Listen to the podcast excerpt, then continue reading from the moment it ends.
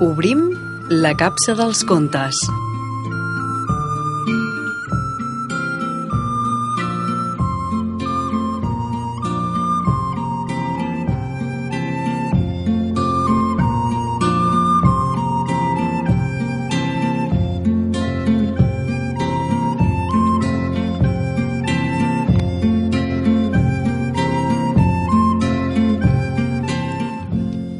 Hola, benvinguts a la capsa dels contes. Estem preparats? Doncs, què us sembla si obro la capsa per veure quin conte tenim? El conte d'avui es titula La nit. Mireu, quan el cel és ple d'estels i no hi ha més llum que la dels fanals, és hora d'anar a dormir. Però a la Marta li fuig la son i els ulls li obren fins a fer-li mal.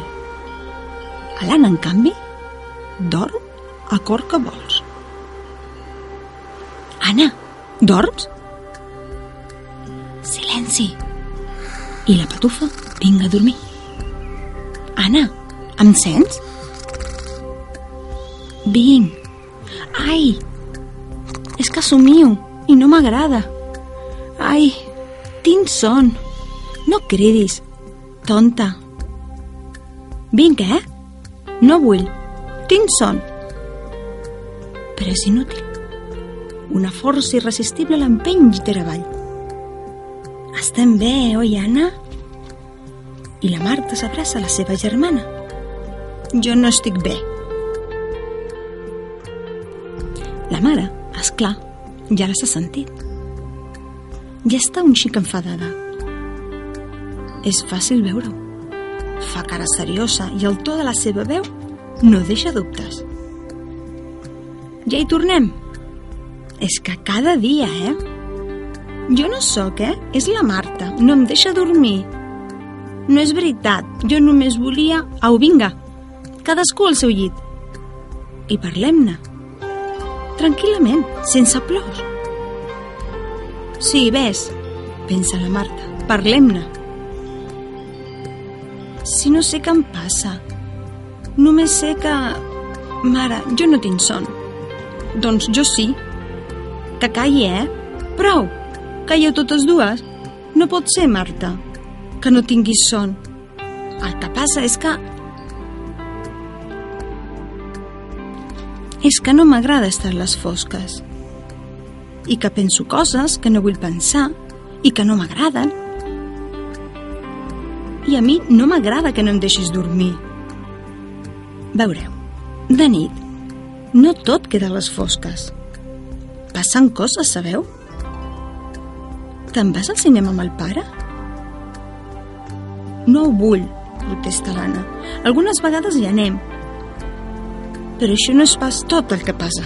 Ah, no? L'Anna obre els ulls com unes taronges. I la Marta fa cara de pensar. M'agradaria explicar-vos un conte? No, més aviat una història. La història de la nit.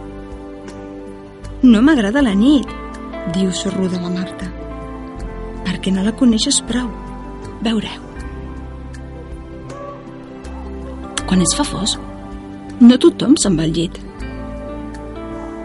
Tu no hi vas, ni el pare no tan aviat com vosaltres. Però hi ha qui no hi va en tota la nit. I què fan? Treballen.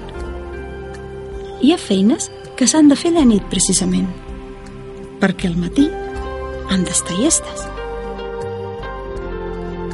També hi ha feines que es fan de dia, però que de nit no poden parar.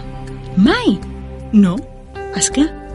Sempre hi ha d'haver algú ben despert perquè no es parin les màquines d'una fàbrica, per fer en els trens, per si hi ha un foc, per si algú es troba malament, o bé per si neix un nen en aquestes hores, com tu, Marta.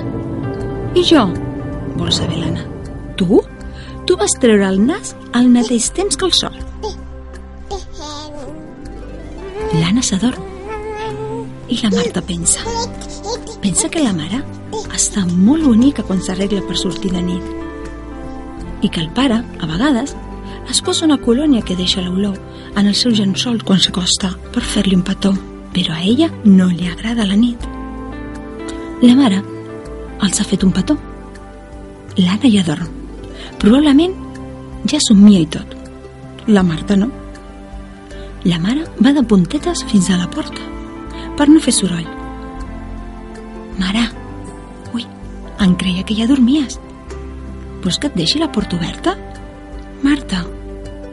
Sí, però, escolta, tot això de la nit, jo no ho sabia. M'explicaràs més coses un altre dia? Sí, si ho vols. Mare, encara no m'agrada anar a dormir, saps? Però m'agradarà saber més coses de les que passen de nit. A la mare també li agradarà explicar-li. Quan ella era petita, tampoc no li agradava gaire anar al llit. Potser hi ha molts nens que no els agrada. Pot ser que el fer-se gran per trobar gust al tancar els ulls i saber que demà tot seguirà més o menys igual. Pensa, somriu. Des de la finestra, la lluna li fa l'ullet, en complicitat.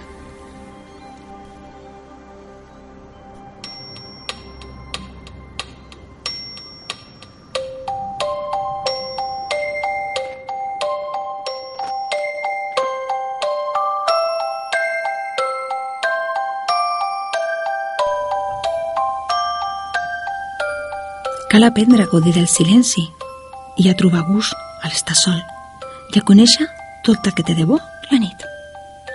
Fins una altra, nens i nenes.